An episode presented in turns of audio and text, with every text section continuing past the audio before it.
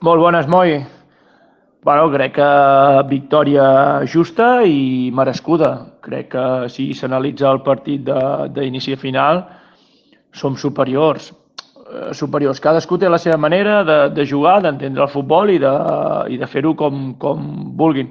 Però crec que al final tenim el, el, les ocasions més clares i, i moltes més. Uh, sí que és veritat que, que amb el resultat d'un a 0, 1 a 0, 1 a 0, sempre hi ha perill, sempre hi ha la inquietud, però crec que no ens generen cap ocasió clara, clara, clara. Però clar, el que passa, una falta, un córner, una acció puntual, una mala acció defensiva, el que sigui, eh, sempre estan dins el partit. I el segon gol és en el temps de descompte que, que no ens deixa estar tranquils.